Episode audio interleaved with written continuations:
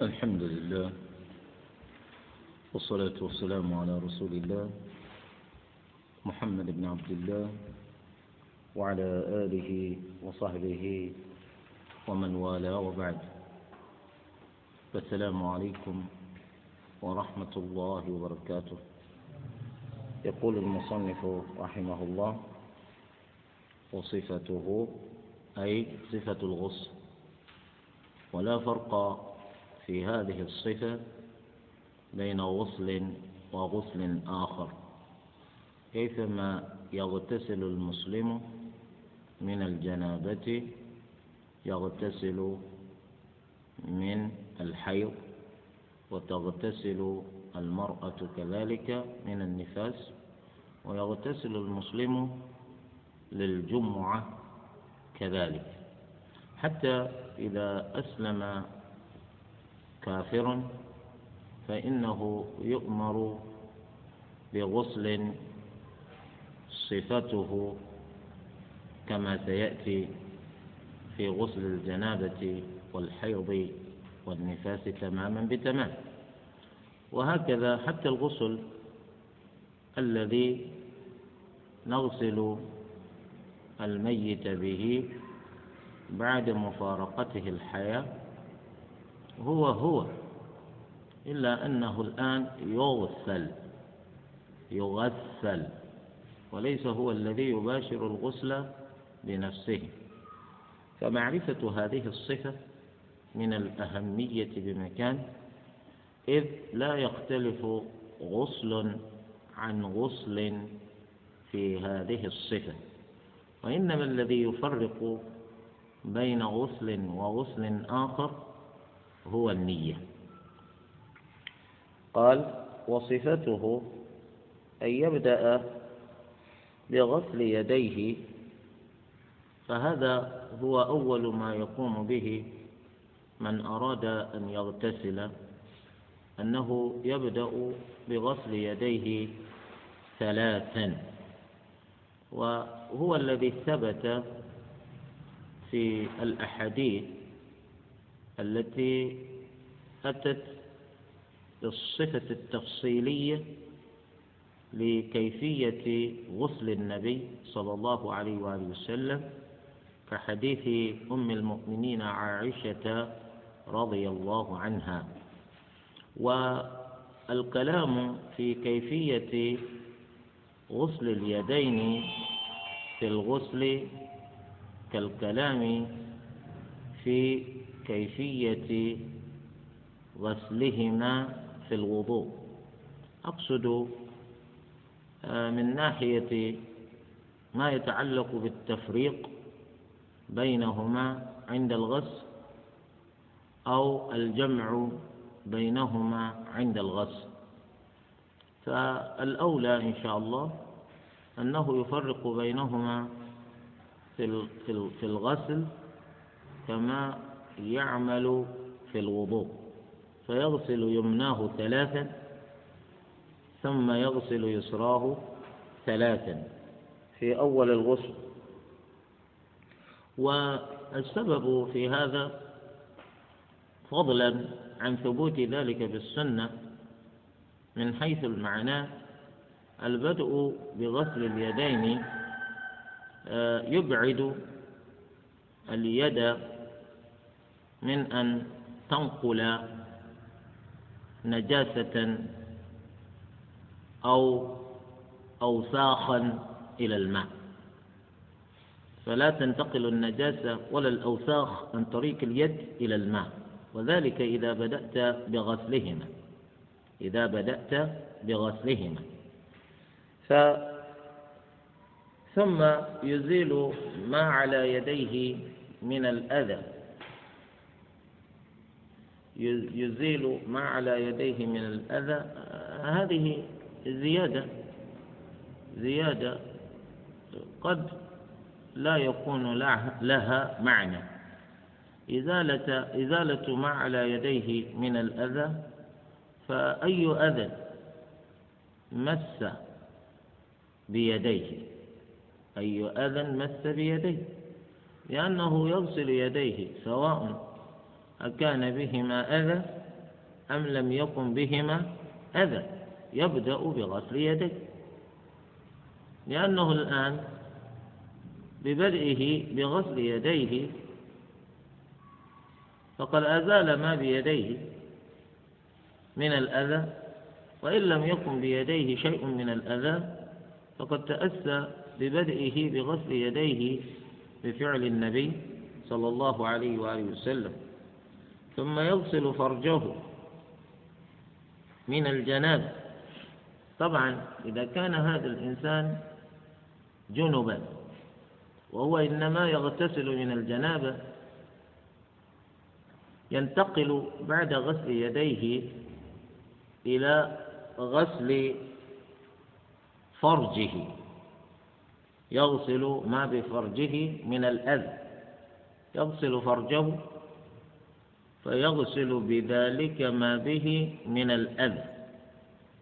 والمقصود بالأذى هنا النجسة لأن آه، على القول بأن المني نجس فيغسل ما يتبقى على فرجه من المني سواء كان الذي يغتسل ذكرا أو أنثى. يغسل ما على فرجه من مني فالعلماء الذين يرون نجاسة المني فالأمر عندهم واضح. ذلك لأنهم بأمر الغاسل بغسل فرجه. إنما أمر بذلك ليزيل به ما بفرجه من الأذى الذي هو المني. أما على القول الآخر أعني قول العلماء الذين لا يرون نجاسة المني هم أيضا قد يعبرون عن غسل الأذى عن الفرج. بعد غسل اليدين يقصدون بالأذى هنا ما قد يصاحب المني ما قد يصاحب المني من المذي. لأن المني غالبا لا ينفرد في الخروج مجردا عن مصاحبة المذي فالمني غالبا يصاحب المذي المني غالبا يصاحب المذي. فلذلك قد يعبرون بأن بأن الإنسان الذي يغتسل حين أمر بغسل ما بفرجه من الأذى إنما القصد أن يغسل فرجه لأن خروج المني غالبا يصاحبه خروج المذي والمذي نجس بالاتفاق والمذي نجس بالاتفاق. ثم يغسل فرجه من الجنابة لئلا يمسه بعد, بعد الوضوء لأن الإنسان إذا مس فرجه كما سبق معناه بعد وضوئه فإن وضوءه ينتقض. فمس الفرج ناقض من نواقض الوضوء. فأنت إذا توضأت في أول غسلك وضوءا صحيحا وحافظت على ذلك الوضوء فإن ذلك الوضوء يصلح لأن تؤدي به من العبادات ما يشترط له التطهر بالوضوء قبل فعله. فلذلك أنت تحرص على ألا تمس فرجك بيدك بعد وضوئك. لأنك إذا كنت قد غسلت فرجك قبل الوضوء فأنت لا تحتاج إلى أن تمسه بعد الوضوء. ثم يتوضأ وضوءه للصلاة. أي تتوضأ كما تتوضأ للصلاة. لأن الوضوء قد يطلق ويراد به غير الوضوء المعهود. فلذلك الفقهاء إذا أرادوا بالوضوء الوضوء المعهود فإنهم يقيدون القول بالوضوء بوضوئه للصلاة بوضوئه للصلاة. ويجوز أن يؤخر غسل رجليه إلى آخر غسله. أي يجوز لك أن تؤخر غسل الرجلين؟ فلا تغسل رجليك في نهاية وضوئك بل تباشر وتواصل غسلك إلى أن تنتهي من الغسل. وإذا انتهيت من الغسل فلم يبق لك إلا أن تغسل رجليك غسلت رجليك آخر الشيء. أي إن شئت ذلك. وقد جاء ذلك في بعض الأحاديث في وصف وصل النبي صلى الله عليه وآله وسلم للجنابة. ثم يخلل أصول الشعر بيده. يخلل أصول الشعر بيده. والمقصود هنا بالشعر شعر الرأس يخلل أصول شعر رأسه بيده.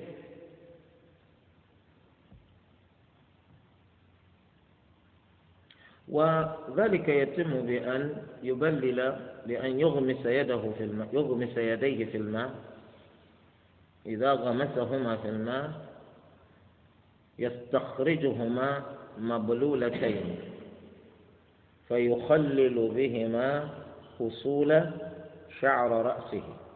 يفعل ذلك ثلاثا. هكذا جاء في حديث أم المؤمنين عائشة رضي الله عنها حين وصفت غسل النبي صلى الله عليه وآله وسلم بالكمال والتمام. بالكمال والتمام. فمعنى ذلك إذا أنهى المغتسل وضوءه أول غسله فإنه يغمس يديه في الماء وقد تطهر. يغمسهما في الماء ثم يخلل بهما أصول شعره.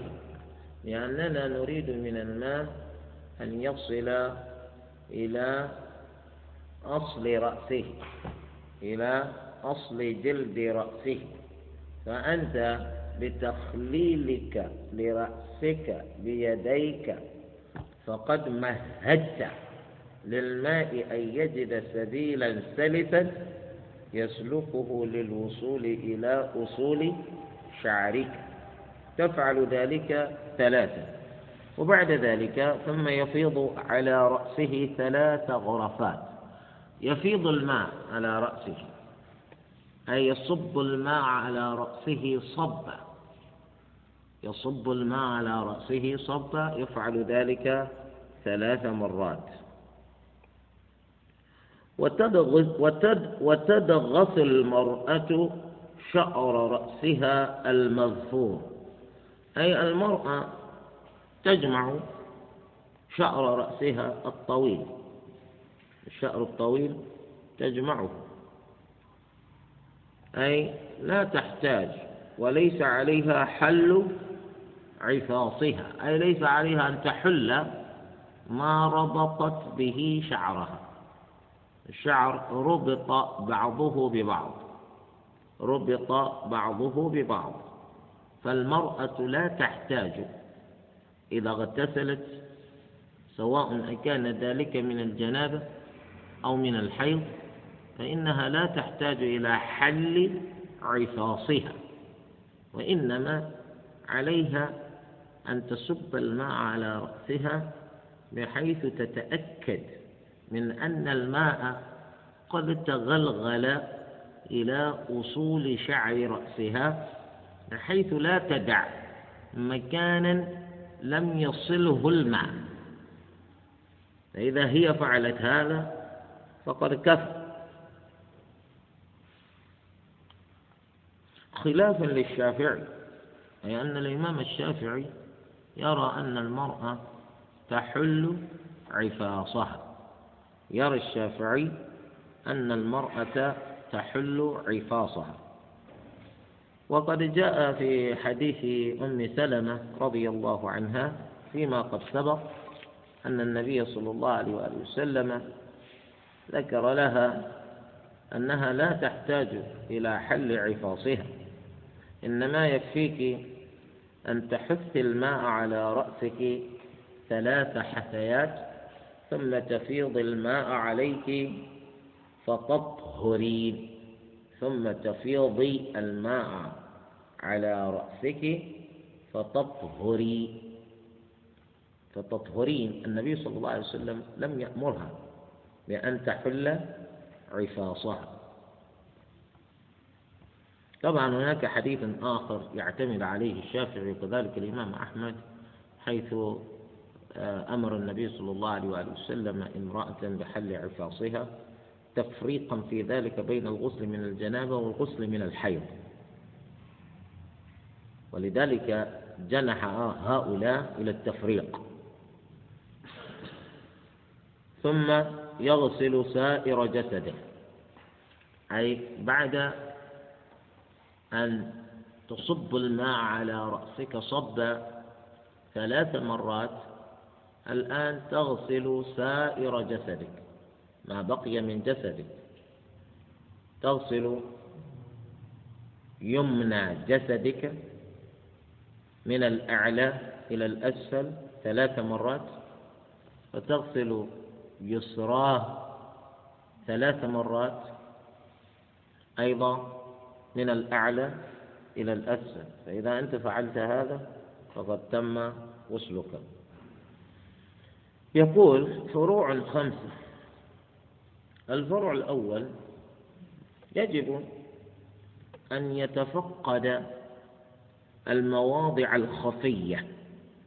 إذا اغتسل الإنسان يجب عليه وجوبا أن يتفقد المواضع الخفية.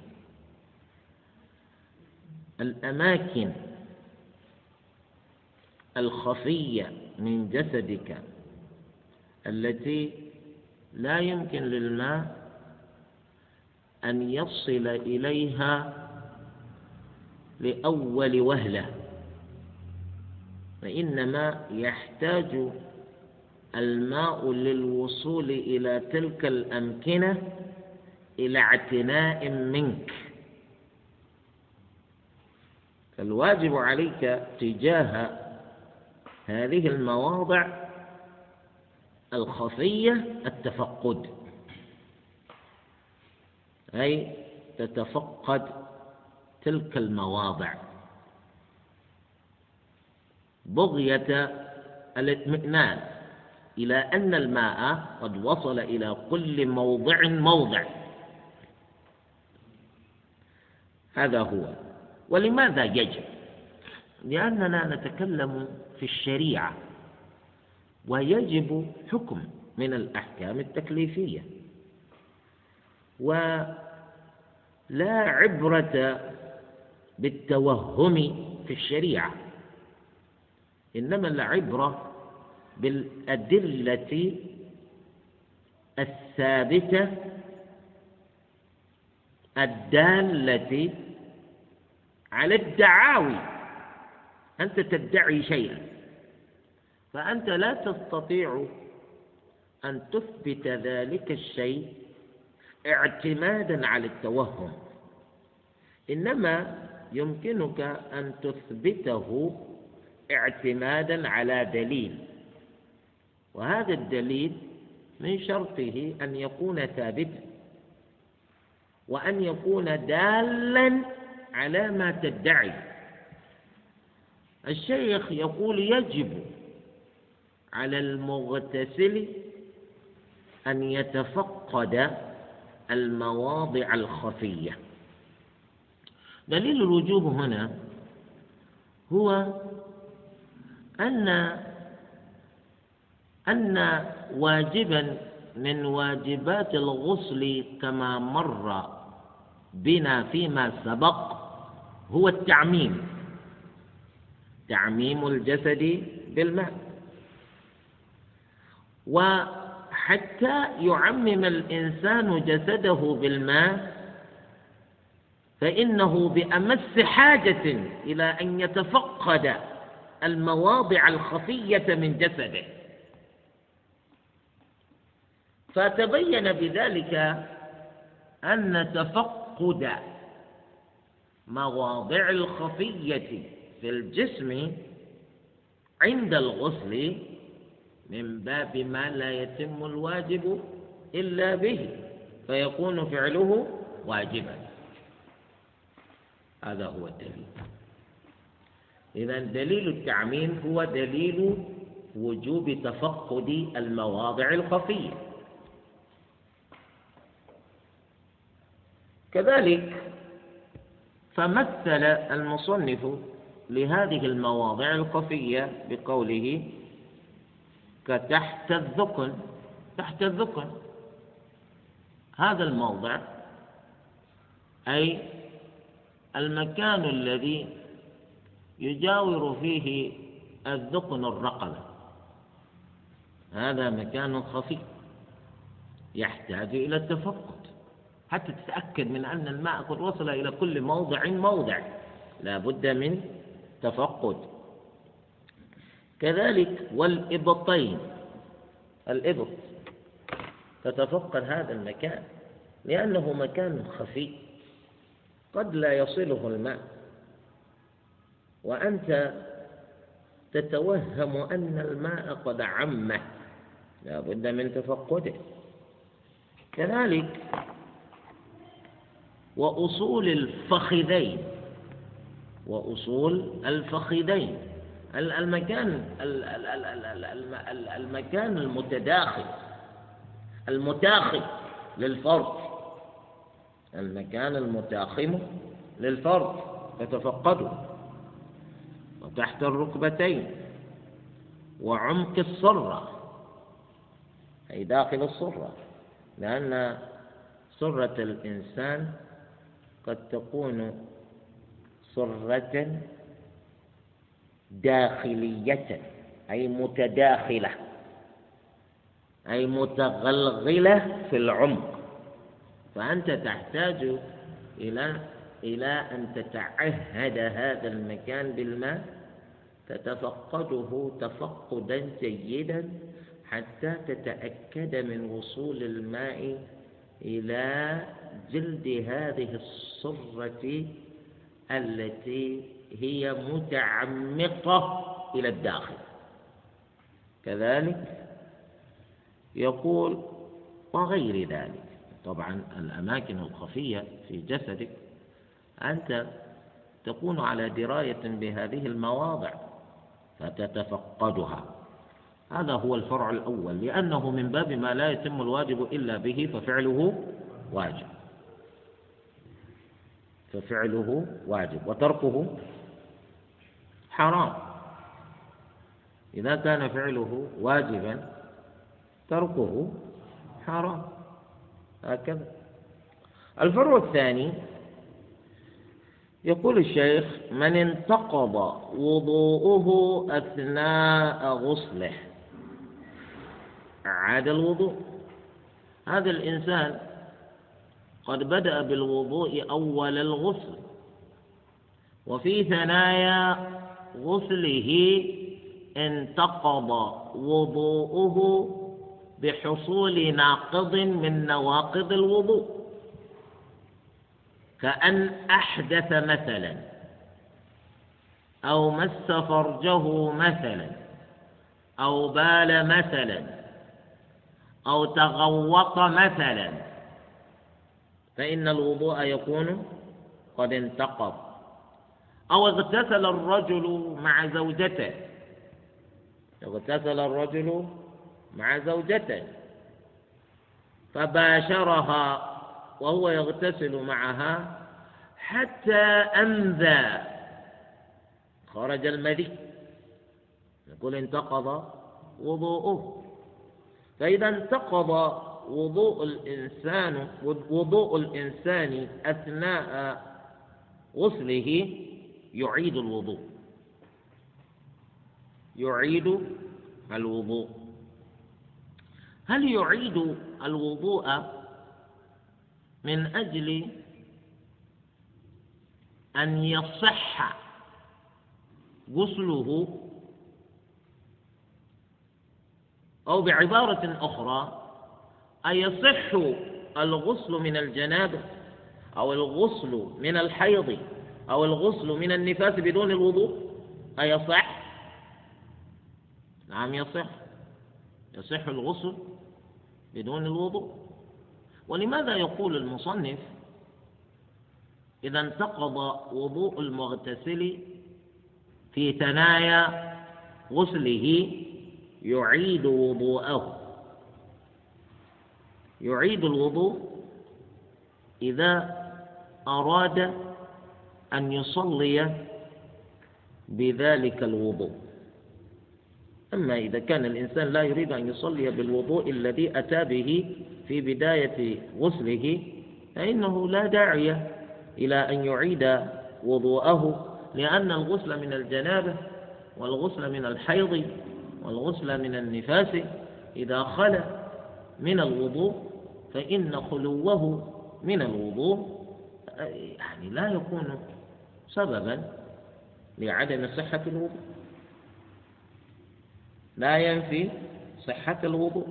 غاية ما في الأمر أن يقال أيجوز له أن يصلي بذلك الغسل الخالي من الوضوء أو لا يصح له ذلك. خلاف بين العلماء. من العلماء من يرى أنه يمكنه أن يفعل ذلك لأن الغسل طهارة كبرى. أما الوضوء طهارة صغرى. أما الوضوء فطهارة صغرى. والمقرر في الشريعة أن الصغرى تفنى في الكبرى. أن الصغرى تفنى في الكبرى. ولقائل أن يقول نعم الصغرى تفنى في الكبرى بيد أن الغسل وهي أن الغسل وهو الكبرى أي الطهارة الكبرى خال من المضمضة وخال من الاستنشاق والاستنثار. فهل يجوز له أن يصلي بدون المضمضة وبدون الاستنشاق وبدون الاستنثار وبدون مسح الأذنين؟ فأنت تقول له فقد غسل أذنيه والغسل أشد من المسح وأنت تقول ربنا أمره في الوضوء بالمسح لا بغسل الأذنين. هنا كل هذا الكلام يأتي. على كل حال يقول الشيخ من انتقض وضوءه أثناء أثناء غسله أعاد الوضوء واختلف هل ينويه أم لا؟ يعني أنت لا زلت في الغسل وانتقض وضوءك أثناء غسلك. وأنت تريد أن تعيد الوضوء. هل تنوي هذا الوضوء الذي تريد إعادته؟ أو لا تنوي تتوضأ فقط فقط. تنوي لأنه عمل. ولا تنسى الأصح أنك تنوي. لا تنسى أن الوضوء عمل. والنبي صلى الله عليه وآله وسلم يقول إنما الأعمال بالنيات. كيف لا ينوي؟ وقد فسد الوضوء الأول.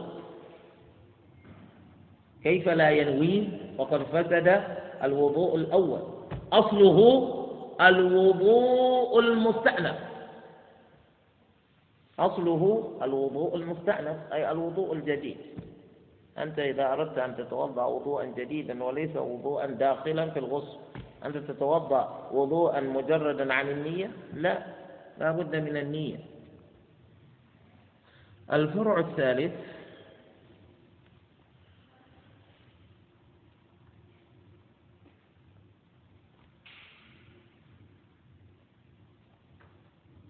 يقول المصنف الفرع الخامس الفرع الثالث يجزئ الحائض الجنب غسل واحد للحيض والجنابة. يجزئ الحائض الجنب غسل واحد. أي إذا كانت المرأة جنبا وهي حائض أتحتاج إلى غسلين أم يكفيها غسل واحد؟ هذه هي المسألة. إذ من المعلوم أن الحائض إذا انقطع عنها دم الحيض يجب عليها أن تغتسل. كذلك الجنب يجب عليه أن يغتسل فالمرأة هذه جنب وحائض. فاجتمع عندها سببان من أسباب وجوب الغسل.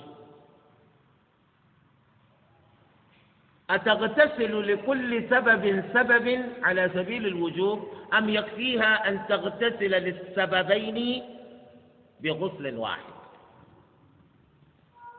هذا الذي يقول المصنف يجزئها. أن تغتسل من الحيض ومن الجنابة غسلا واحدا.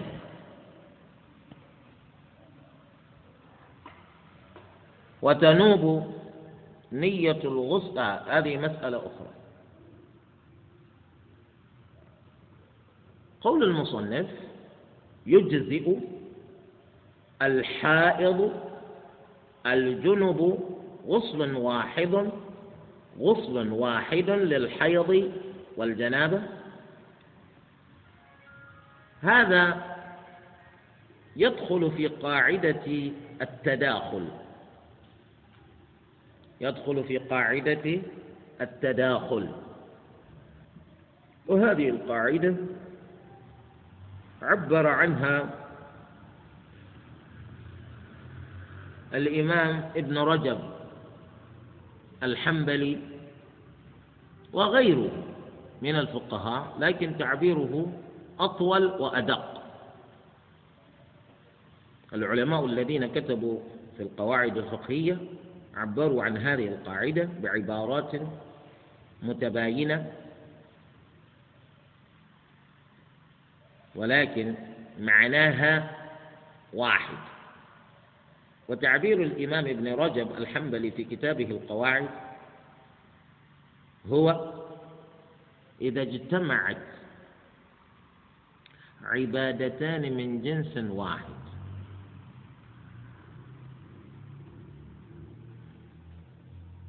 ولم تكن إحداهما قضاء دخلت إحداهما في الأخرى غالبا. إذا اجتمعت عبادتان من جنس واحد ولم تكن إحداهما تفعل على سبيل القضاء دخلت إحداهما في الأخرى غالبا لوجود استثناءات. هناك أشياء لا مجال لحصول التداخل فيها. لأننا نقول القواعد هي قضايا. قضايا أغلبية. وإن عبرنا عن القواعد بالقواعد الكلية إلا أنها أغلبية. والتعبير بكونها أغلبية يأذن بوجود استثناءات. فلذلك نقول ما من قاعدة عامة إلا ويعتريها الاستثناء. فهو يقول ما لم يكن إحداهما تفعل على سبيل القضاء دخلت إحداهما في الأخرى غالبا. فمثلا الإنسان يريد أن يصوم عاشورا أو تاسوعا وعليه قضاء يوم من رمضان ويريد أن يصوم تاسوعا أو عاشورا. أيجوز له أن يأتي بصوم واحد بنيتين فينوي بصومه قضاء ما فاته من رمضان وعاشورا كيف يمكنه ذلك؟ هل يمكن ذلك؟ لا يمكنه ذلك لسبب أن إحدى العبادتين قضاء. إحدى العبادتين قضاء. ولو كانتا أداءتين لجاز ولو كانتا أداءتين لجاز كيف ذلك؟ كأن يريد الإنسان أن يصوم عاشورا أو تاسوعا وصادف إن كان يوم عاشورا لذلك العام. أو تاسوعا لذلك العام يوم الاثنين أو يوم الخميس فينوي بصومه عاشورا وصيام الاثنين. فيجزيه الله على صوم بصومين. يجزيه الله على صوم بص... يجزيه الله على صوم بأجر صومين. وذلك لجواز التداخل في هذه النية. أما إذا كان إذا كانت إحدى العبادتين قضاء لا يجوز إحدى العبادتين قضاء فلا يجوز التداخل. ولذلك ذكر العلماء اختصارا وإلا هذا موضوع واسع وكبير جدا وكتبوا في ذلك مؤلفات ورسائل جامعية. يقول العلماء التداخل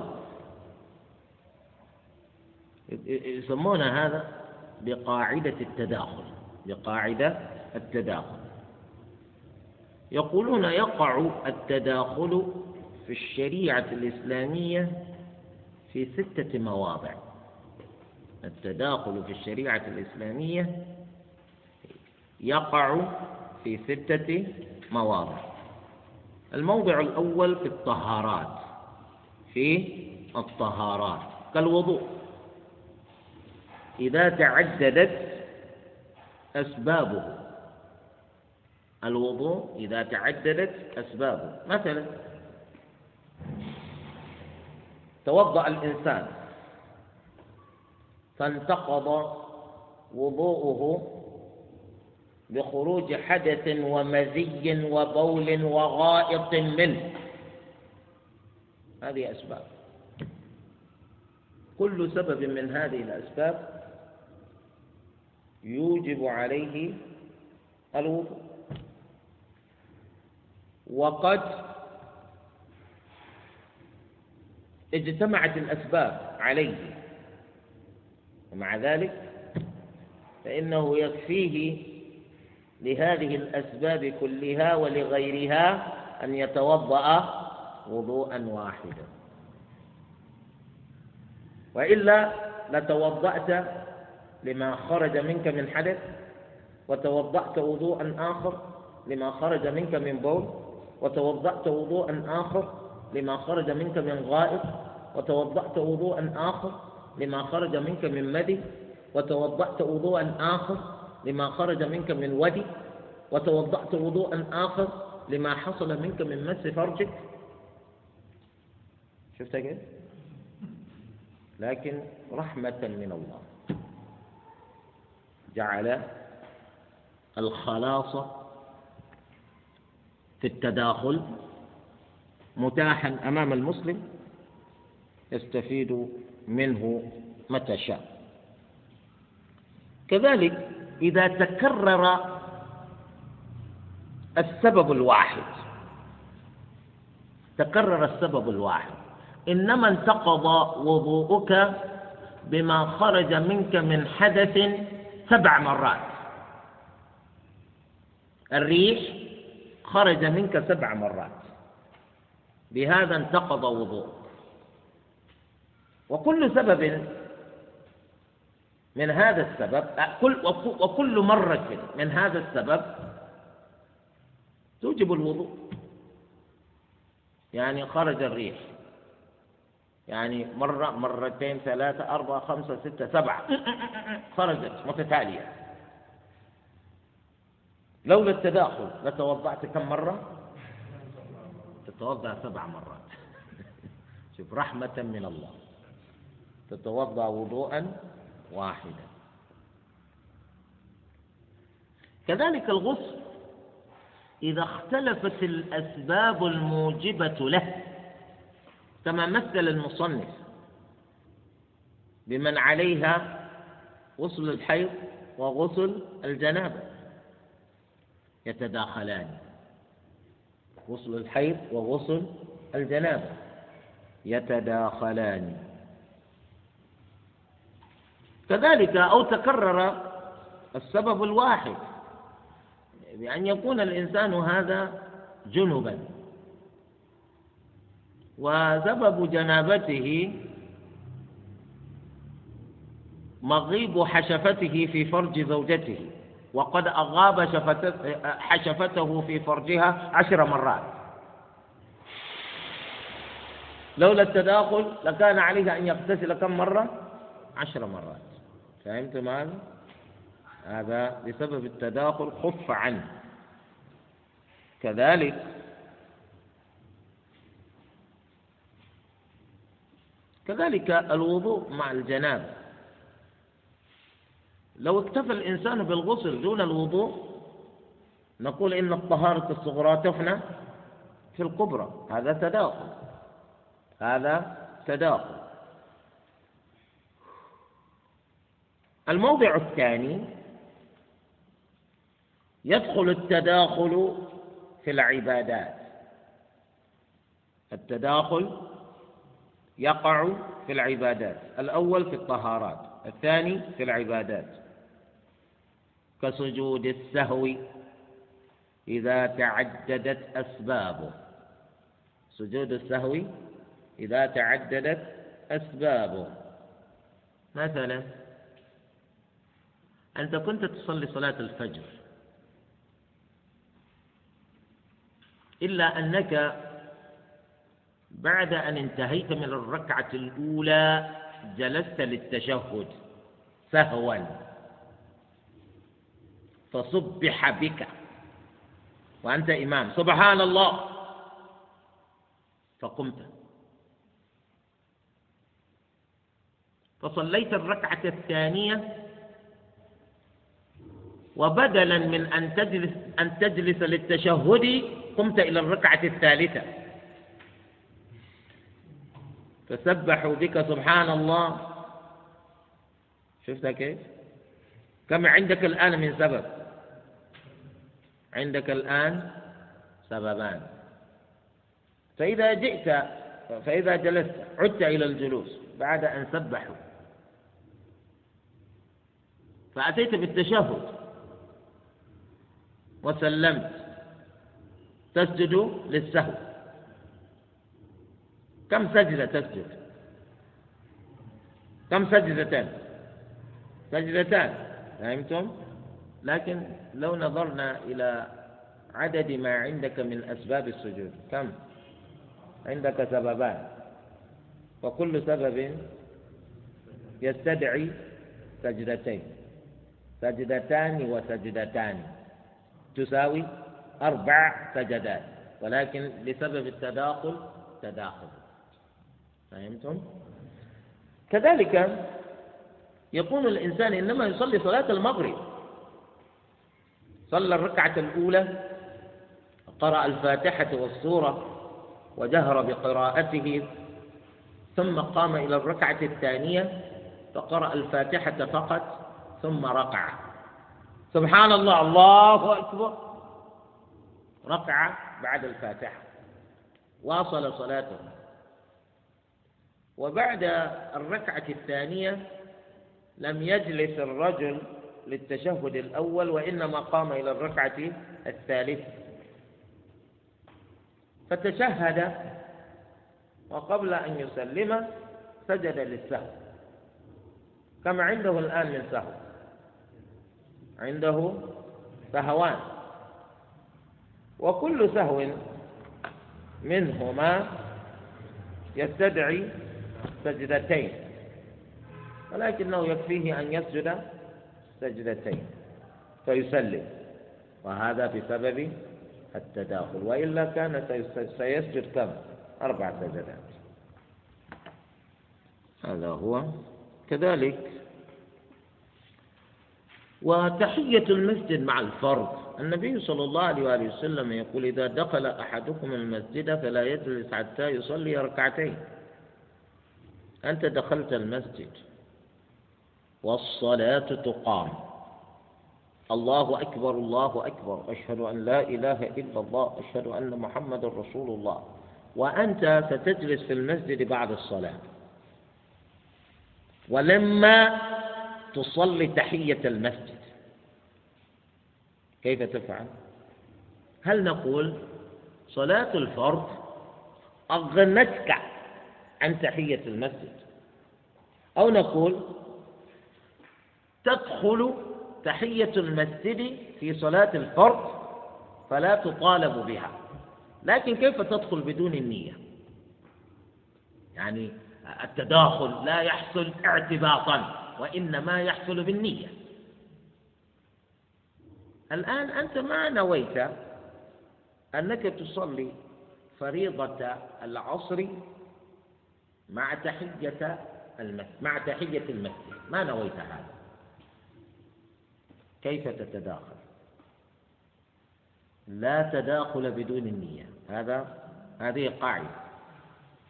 ثم أنت تريد أن تصلي الفريضة. من ذا الذي يقول لك أنت تأتي بنية النافلة أيضا؟ ولذلك هذا المثال ما يصح. ولذلك نقول إذا أتيت إلى المسجد والصلاة تقام فإنك تصلي. تلك الصلاة التي تقام خلف الإمام. أما تحية المسجد فأنت لست مطالبا بها. وقد صليت الفريضة لأن تحية المسجد إنما هي صلاة مقصودة لغيرها لا لذاتها. هي صلاة مقصودة لغيرها لا لذاتها. وإلا لو كانت مقصودة لذاتها لكان من صلى الفرض التي تقام وهو يدخل المسجد لكان مطالبا بالإتيان بتحية المسجد بعد سلام الإمام. فلذلك قلنا إنما هي صلاة مقصودة لغيرها أي مقصودة لغيرها وغيرها هنا احترام بيت الله. وأنت لما صليت الفريضة لقد حصل هذا. فهمتم؟ وهي فهي ليست صلاة مقصودة لذاتها.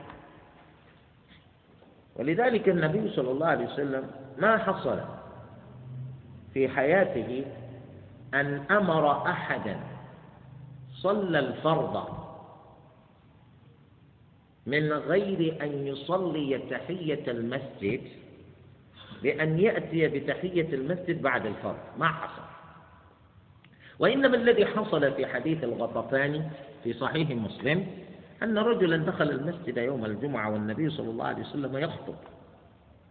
وبعد دخوله إلى المسجد ذهب إلى مكان فجلس فيه.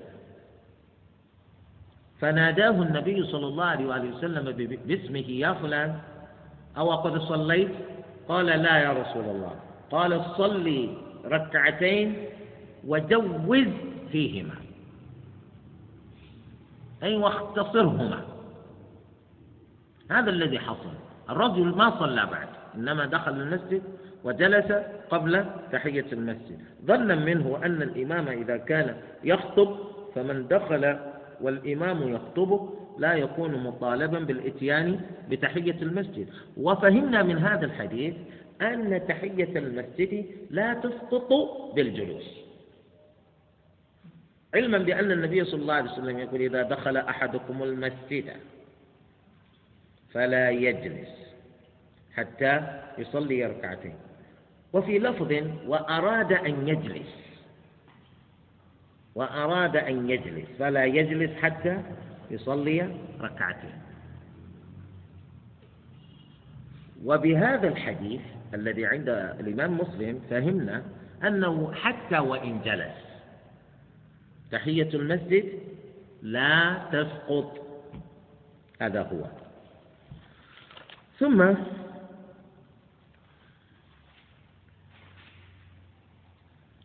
العمرة مع الحج. العمرة مع الحج. طبعا الحج ثلاثة أنواع. مناسك الحج ثلاثة أنواع. حج يسمى بالتمتع وهو أن يحرم الإنسان بالعمرة إذا وصل إلى الميقات ثم إذا وصل إلى مكة أتى بأفعال العمرة من طواف وسعي بين الصفا والمروة وبعد ذلك يتحلل يحلق شعره إذا كان رجلا أو يقصه إذا كان الوقت قد ضاق أمامه وأراد الحج أو كانت امرأة فهي تقص شعرها ثم بعد ذلك يتحلل ويبقى حلالا إلى يوم التروية ففي يوم التروية يحرم من جديد ولكن يحرم في ذلك اليوم من محله من غير أن يذهب إلى الميقات ومن غير أن يذهب إلى الكعبة للإحرام. أنت تحرم من مكانك من بيتك من الفندق الذي نزلت فيه. تحرم من هناك بالحج. هذا النوع من الحج اسمه تمتع. النوع الآخر هو الإفراد. الإفراد هذا هو أن تفرد الحج فقط بالإحرام. تفرد الحج وحده بالإحرام. حجك من بدايته إلى نهايته حج لا غير. هذا اسمه إفراد. النوع الثالث اسمه قران. الحج الذي اسمه قران هو أن تحرم بالحج والعمرة معا. أن تحرم بالحج والعمرة معا. دخلت العمرة في الحج إلى يوم القيامة. هذا قران تأتي إلى الميقات. وأنت تحرم أنك تحج قارنا بين الحج والعمرة معا لبيك اللهم لبيك لبيك لا شريك لك لبيك. إن الحمد والنعمة لك والملك لا شريك لك. من غير أن تفرد العمرة عن الحج في الأعمال. غير أنك إذا كنت إنما أحرمت بالحج قارنا فإنك إذا أتيت إلى مكة فإنك تطوف طواف القدوم. ثم تسعى ثم تسعى بين الصفا والمروة. تسعى بين الصفا والمروة. فإذا كنت قد سعيت بين الصفا والمروة تكون قد سعيت لحجك وعمرتك معا. اللهم إلا إذا أخرت إذا أخرت سعيك.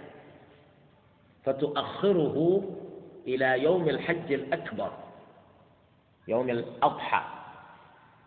تأتي من منى بعد رمي جمرة العقبة وبعد النحر والحلق تأتي إلى إلى مكة. في مكة تطوف طواف الإفاضة طواف الحج طواف الركن.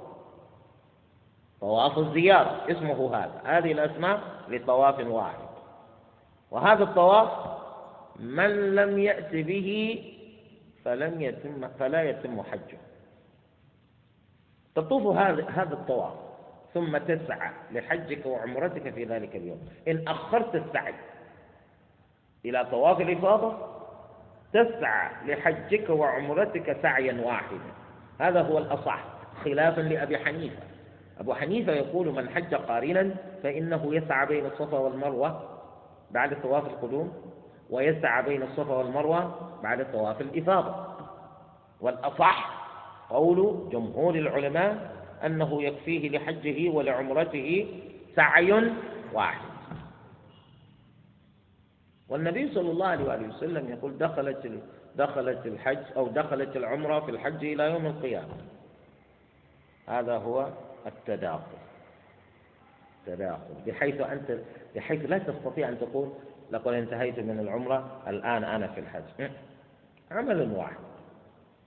عمل واحد بنسكين ولذلك من نوى الحج قارنا يجب عليه الهدي ومن حج متمتعا وجب عليه هدي التمتع. هدي التمتع.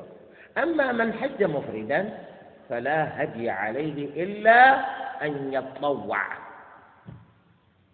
لا يجب عليه الهدي إلا إذا تطوع. من حج مفردا بخلاف القارن وبخلاف المتمتع. أما من تمتع فلا يقال فيه تداخل. إنما التداخل في القرآن لا في التمتع. هذا هو. الموضع الثالث في الكفارات. في الكفارات.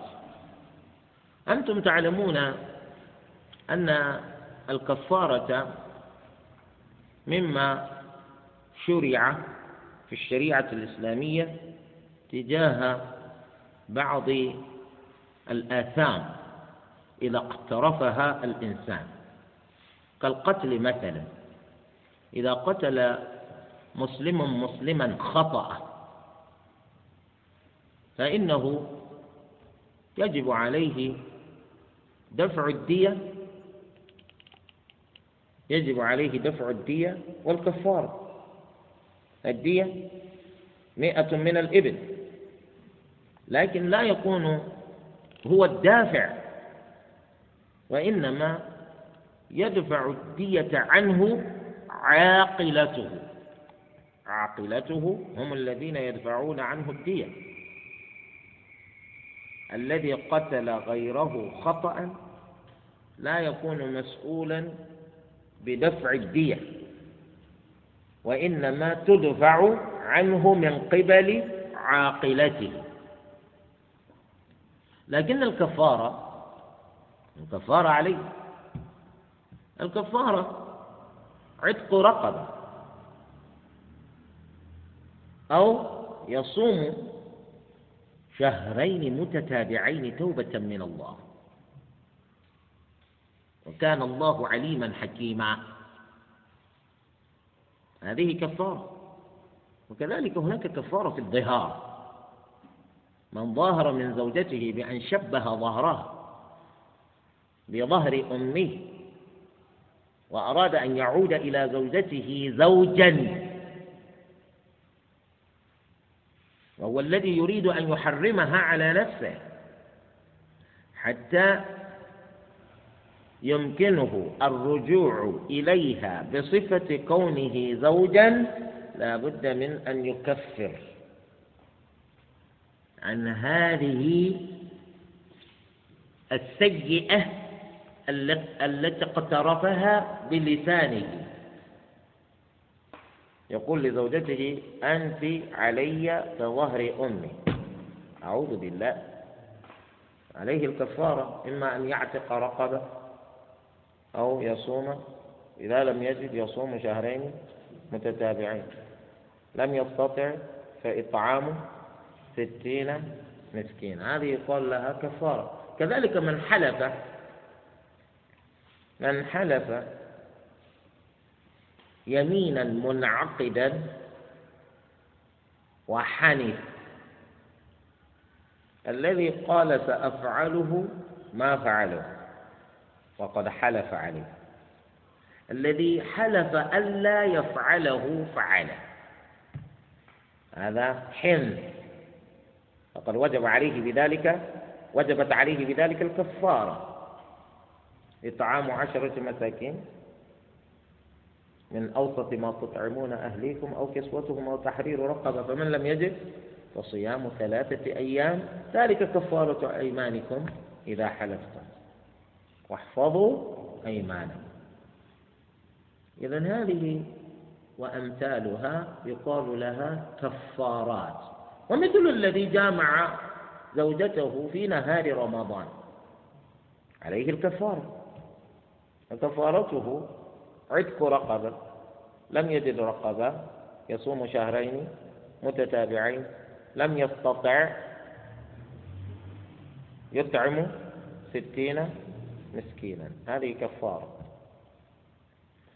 إذا هذه الكفارات يدخل فيها التداخل لكن بقيد. كما لو أفطر الإنسان في رمضان في اليوم الواحد مرارا. أكل وشرب في الصباح. عند المالكية طبعا. أكل وشرب ظهرا. وواصل أكله للمكسرات.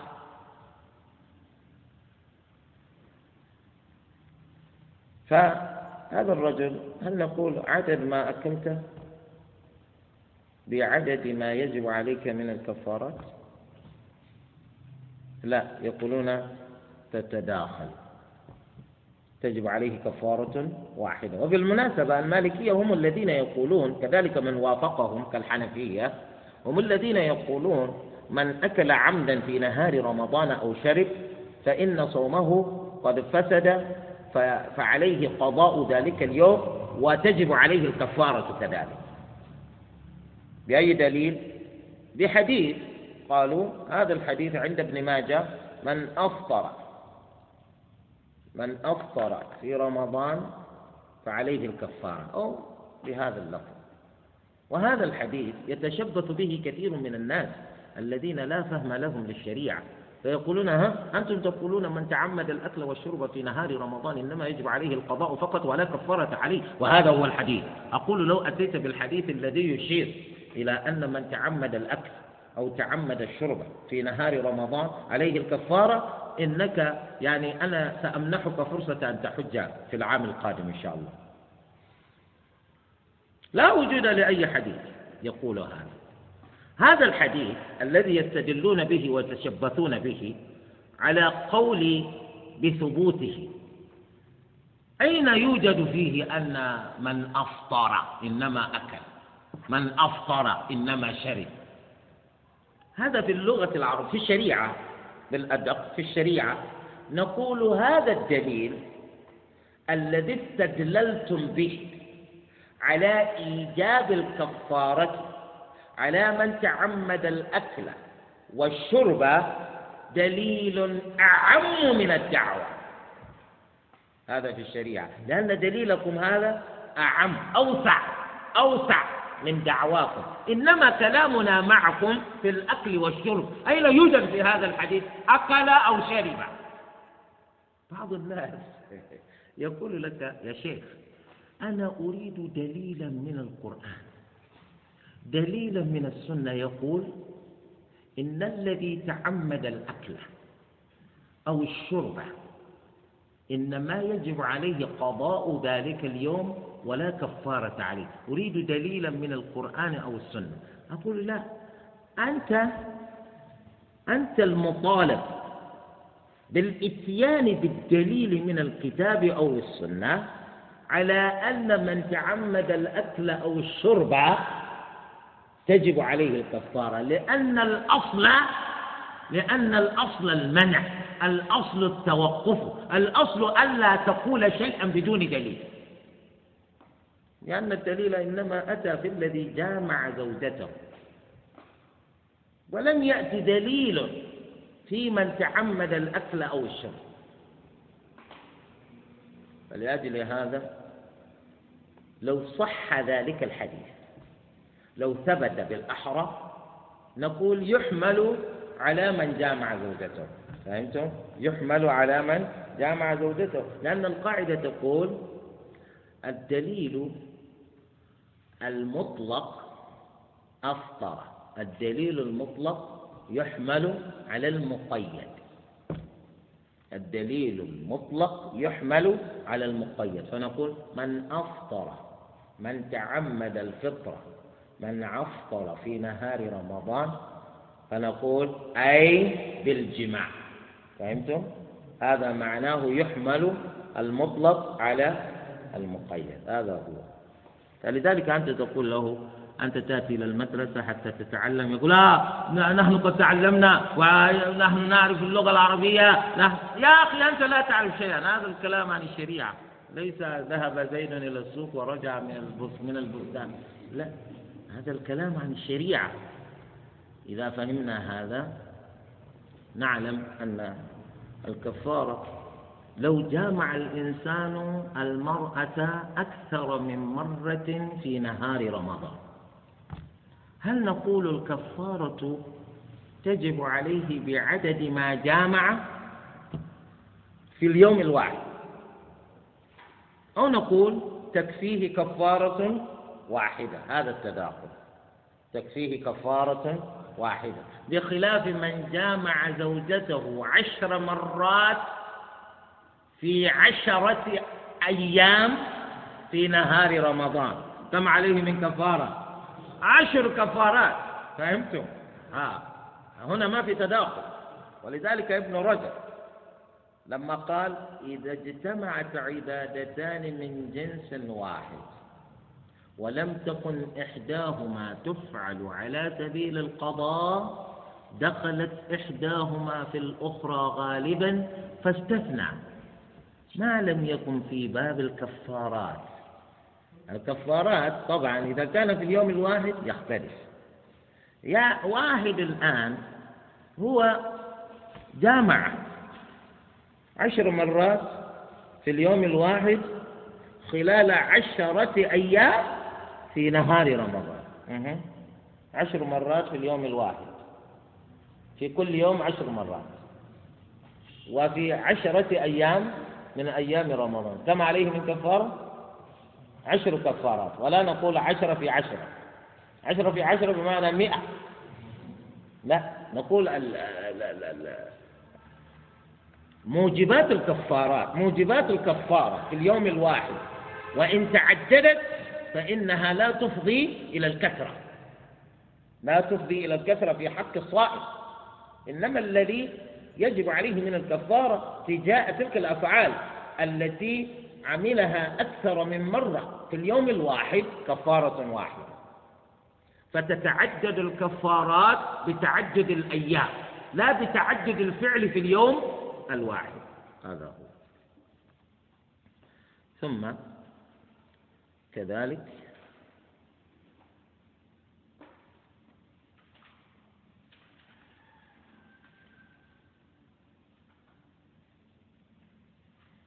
الرابع في الحدود.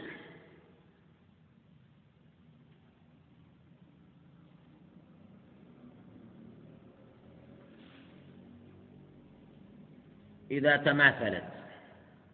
الحدود إذا تماثلت. مثلا الحدود إذا تماثلت.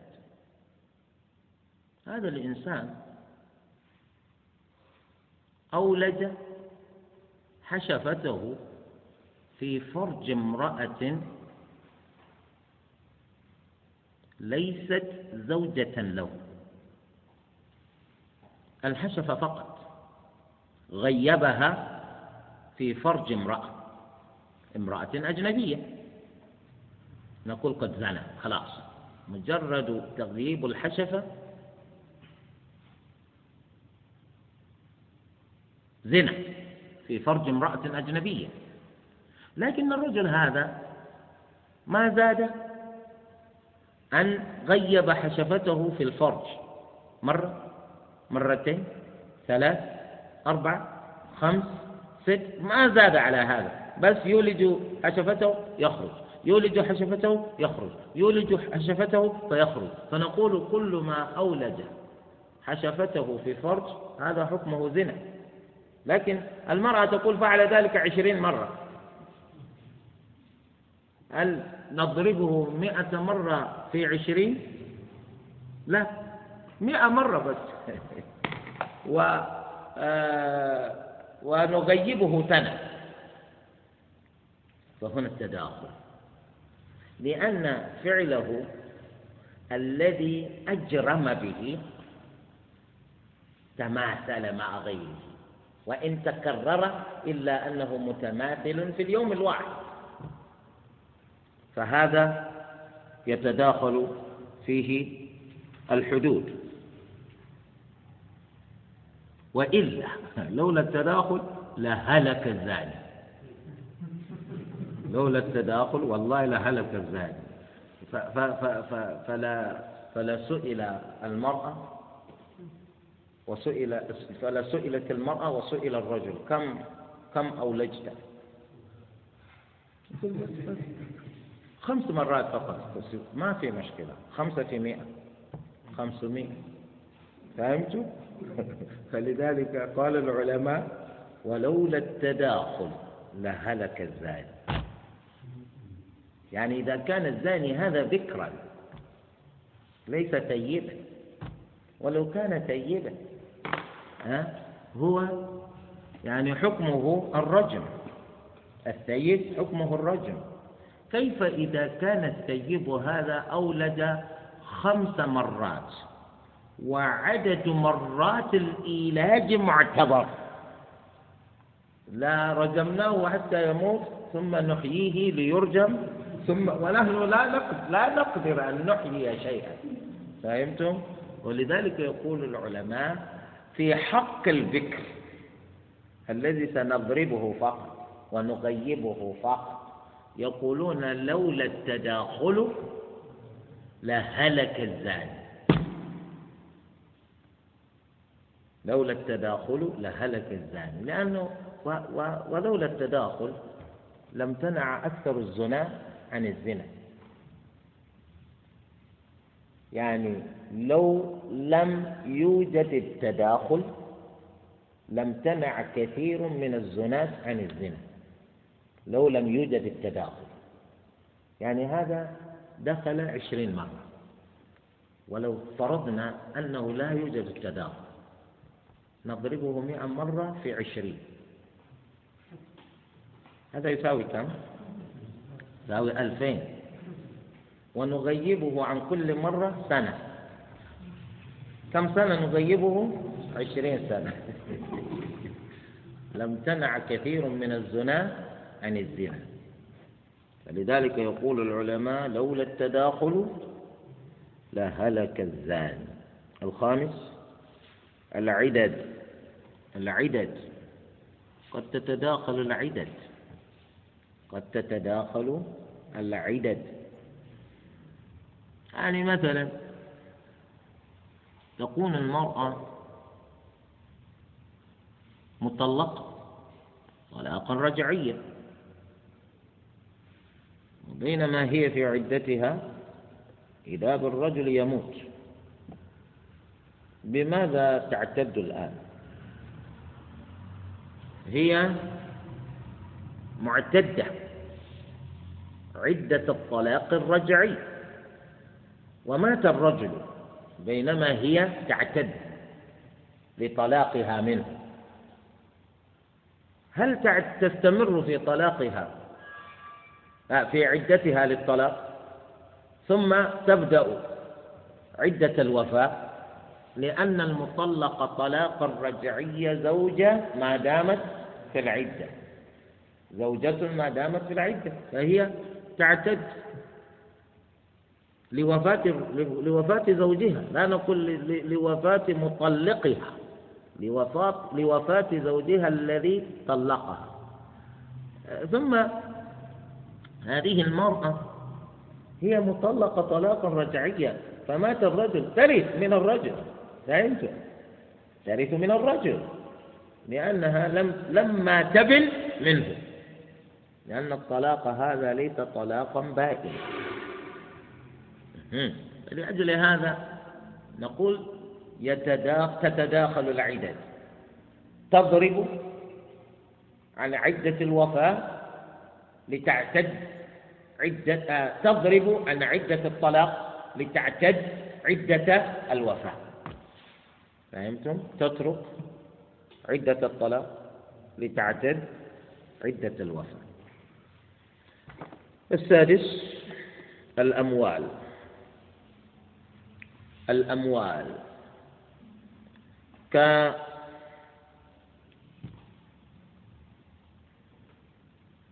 كدية الأطراف.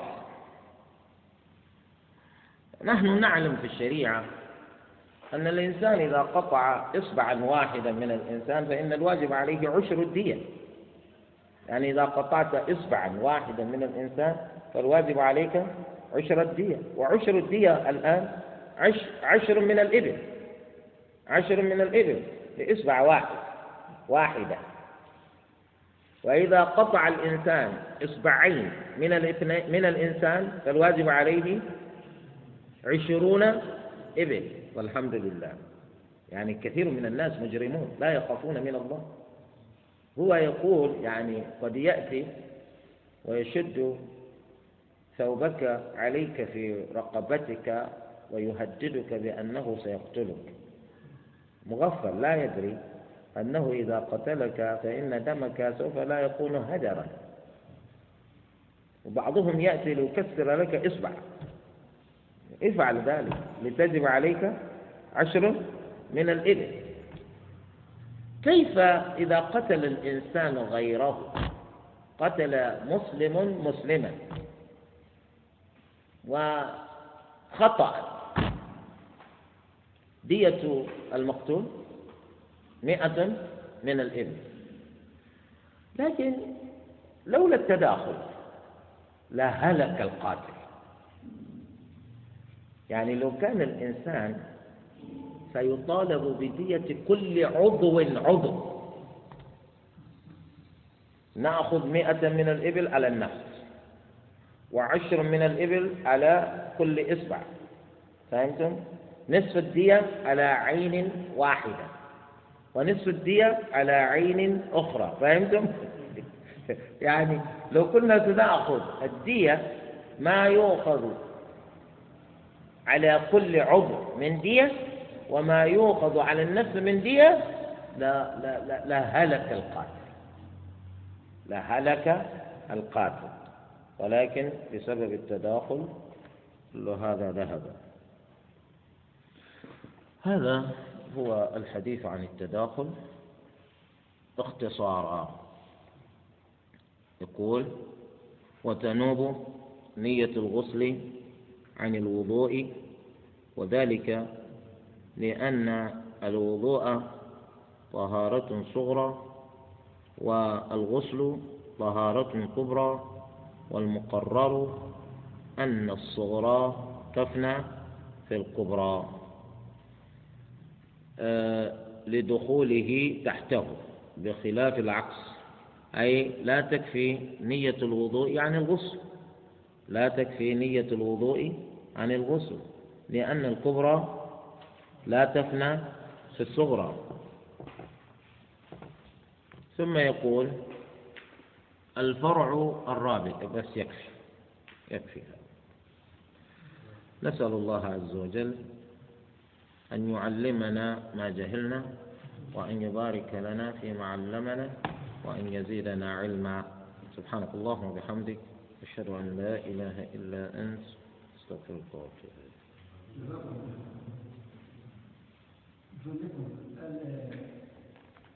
سؤال بقول المؤلف يجوز عن الجنوب غسل واحد اللي يقرأ ذلك قبل دخولها للحيض إيه هذا هو. يقولون المرأة تكون جنبا وبين وبينما هي في في الاستعداد للغسل من الجنابة إذا بالحيض ينزل. فتترك الغسل من الجنابة لأنه لا معنى للغسل من الجنابة والحيض حاضر. تترك الغسل من الجنابة إلى أن ينقطع عنها دم الحيض. فإذا انقطع دم الحيض عنها فإنها الآن تعلم يقينا أن عليها أن عليها غسلين فإذا جاءت لتغتسل وعليها غسل الحيض وغسل الجنابة فإنها تأتي بغسل واحد بنيتين تأتي بغسل واحد بنيتين وهنا لا يتطرقون إلى أية النيتين تقدم. أية النيتين تقدم. هل تقدم؟ نية الغسل من الحيض على نية الغسل من الجنابة أو العكس لا يتطرق الفقهاء إلى هذا. وذلك لاستواء لاستوائهما. أي الغسل من الحيض والغسل من الجنابة يستويان. لأن آه، الجنابة توجب الغسل والحيض يوجب الغسل. فلذلك لها أن تنوي الغسلين كيفما شاءت. أي إن شاءت أن تقول في نفسها إنها تريد أن تغتسل من الحيض والجنابة أو من الجنابة والحيض بخلاف من أراد أن يغتسل من الجنابة وللجمعة سيأتي. إذا أراد الإنسان أن يغتسل من الجنابة والجمعة هل يجزئه غسل واحد أم لا؟ أقوال. وعلى القول بالإج... بال... بالإجزاء وهو الأصح أي النيتين؟ أية النيتين تقدم؟ الأصح. أنه يقدم النية من نية الغسل من الجنابة على نية الغسل من الجمعة لأن الغسل من الجنابة واجب. أما غسل الجمعة على الأصح ليس بواجب. غسل الجمعة واجب على كل محتلم. الأصح في تأويل هذا الحديث أنه واجب وجوب السنة واجب وجوب السنة لأن النبي صلى الله عليه وآله وسلم يقول من اغتسل يوم الجمعة فبها ونعمت فمن توضأ أه من توضأ يوم الجمعة فبها ونعمت فمن اغتسل فالغسل أفضل فالغسل أفضل. هذا هو. نعم عليكم السلام. فكيف إذا اجتمع في رجل واحد يزن يزن و يزن يزن يزن إذا اجتمع فيه الزنا و ويقتل المرأة التي الذي يدخل ما هذا السؤال؟ كيف تفعل؟ يعني زنى نعم. وقتل وشرب الخمر فإنه يؤدب على كل جريمة على حدة يؤدب على جريمة الزنا ويؤدب على جريمة شرب الخمر ويؤدب على جريمة القتل. يعني كأنك تريد أن تقول على يوجد التداخل؟ فنقول إن هذا الإنسان يكفي أن نقتله لأنه قد قتل نفسه. وهب أنه زان سيب حكمه الرجم حتى الموت. نقتله فقط.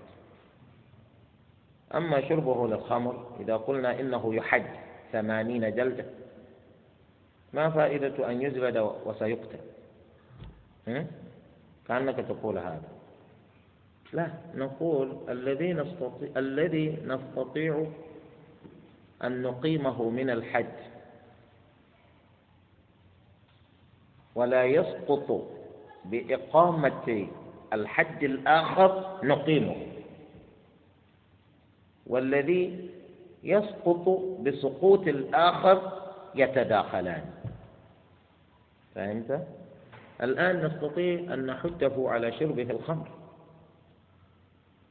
وحده على شرب الخمر لا يبطل شيئا مما بقي عليه من حد الزنا وكذلك من القصاص. نضربه ولا يزال حيا. فهمتم؟ أما القتل قصاصا ورجمه حدا على زنا وهو ثيب هذا لا يمكن أن نقيم أحدهما ويبقى الآخر. فيتداخلان. ولنا أن نأخذ بأشدهما زجرا. يعني نقول يرجى حتى الموت لأنه هذا أشد من أن نضرب رقبته بالسيف.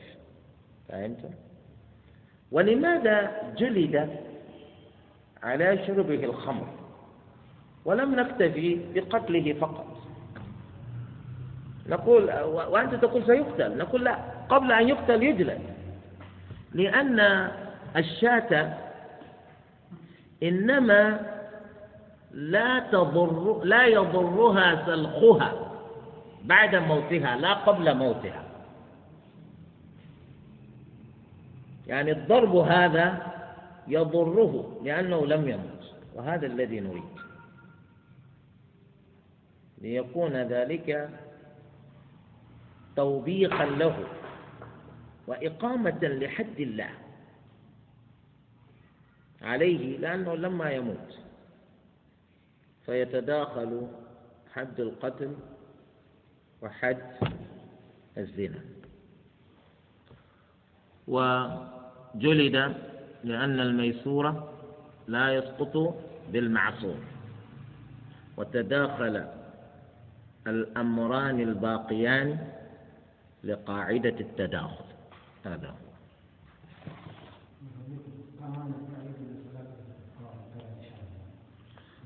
في الساعة السابعة إن شاء الله صباحا. صلاة الاستسقاء هنا. في الساعة السابعة صباحا.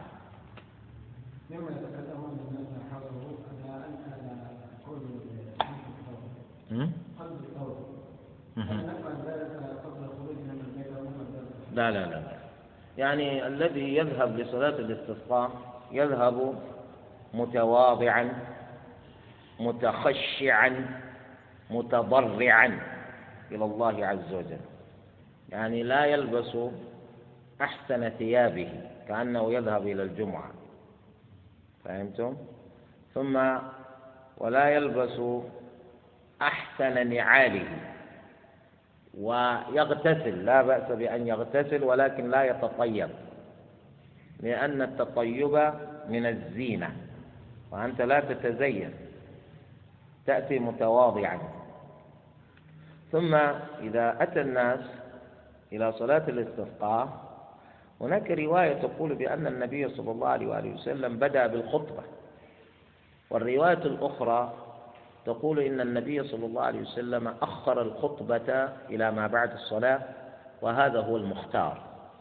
ذلك لأن عبد الله ابن عباس رضي الله عنهما يقول صلى النبي صلى الله عليه وآله وسلم صلاة الاستسقاء كما يصلي العيدين. ومن هنا اختلف العلماء في أن إذا كانت صلاة الاستسقاء كصلاة العيدين هل تكون فيها التكبيرات الزوائد كما توجد التكبيرات الزوائد في صلاة العيدين؟ بمعنى نكبر ست تكبيرات بالإضافة إلى تكبيرة الإحرام في الركعة الأولى لتصير التكبيرات بذلك سبعا. ونكبر خمسا في الثانية بالإضافة إلى تكبيرة القيام لتصير التكبيرات ستا. أو إنما نصلي صلاة الاستسقاء كسائر صلاة التطوع. المالكية وكذا المالكية يقولون لا نصليها كما نصلي صلاة التطوع. الشافعية والحنابلة يقولون نصليها تماما كما نصلي صلاة العيدين بتكبيرات الزوائد. لأن ابن عباس يقول صلاها كما يصلي العيدين. والمالكية يقولون في رواية أخرى صلى ركعتين كصلاة تطوع. بهذا تمسك المالكية وأولئك تمسكوا بهذا. ولكن إذا كان الصحابي يقول كصلاة العيدين معنى ذلك التكبيرات تأتي. التكبيرات تأتي.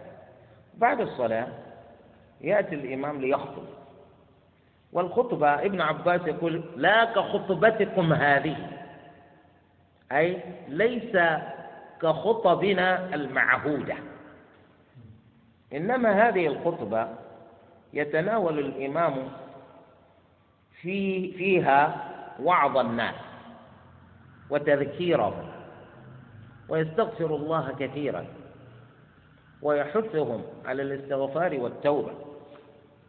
ويبين لهم أن الرحمة ما كانت لتحبس عنا إلا بذنوبنا. وطريق الخلاص هو بالتوبة النصوح عن تلك المعاصي والآثام والذنوب.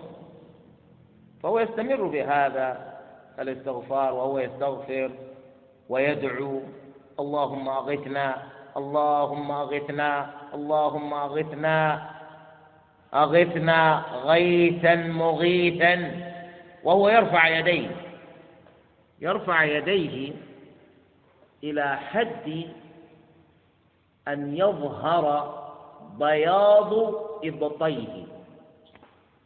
كان النبي صلى الله عليه وسلم إذا استسقى هكذا يرفع يديه. وفي صحيح مسلم جاء فيه أن النبي صلى الله عليه وسلم كان يستقبل السماء بظهور كفيه. ويستقبل الأرض ببطونهما. فهمتم؟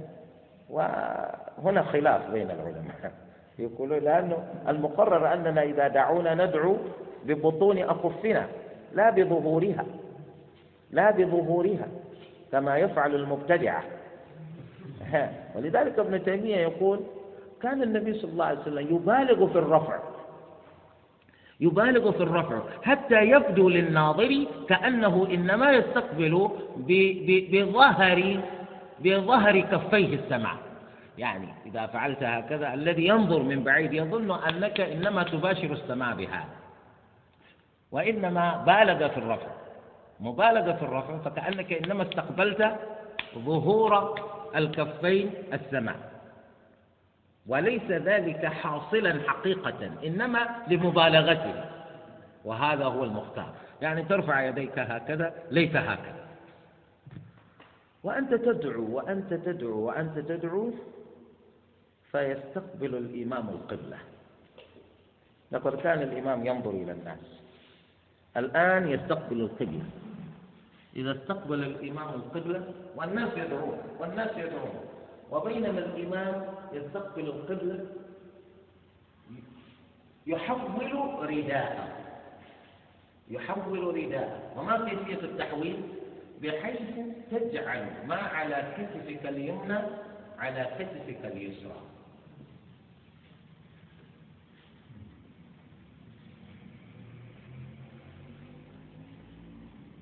هذا مبالغة في الخشوع والخضوع والتضرع إلى الله عز وجل.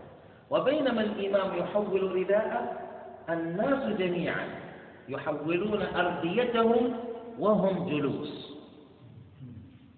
يحولون أرديتهم وهم جلوس. إلا من لا رداء له. الذي لا رداء له إنما له يعني آه، رداؤه إزاره. رداؤه إزاره. إنما ربط بإزاره ما على أعلى سرته. كل هذا المكان يظهر. ماذا تحول؟ فهمتم؟ وإلا النساء. النساء لا يحولن شيئا. والإمام إذا حول رداءه هكذا يستمر في الدعاء ولا ينظر إلى الناس بعد. لا ينظر إلى الناس بعد. يدعو ويدعو ويدعو بأعلى صوته وأنتم تدعون. كل واحد يدعو. لا لا أحد يعني يؤمن على دعاء الإمام فقط الآن. كل واحد يدعو يدعو يدعو يدعو حتى إذا دعا الإمام إلى حد ما يخرج من المسجد وكل واحد يخرج. ولا تحولون رداءكم إلى ما كان عليه قبل حتى تأخذوا سبيلكم إلى بيوتكم. هذا هكذا صلاة الاستسقاء.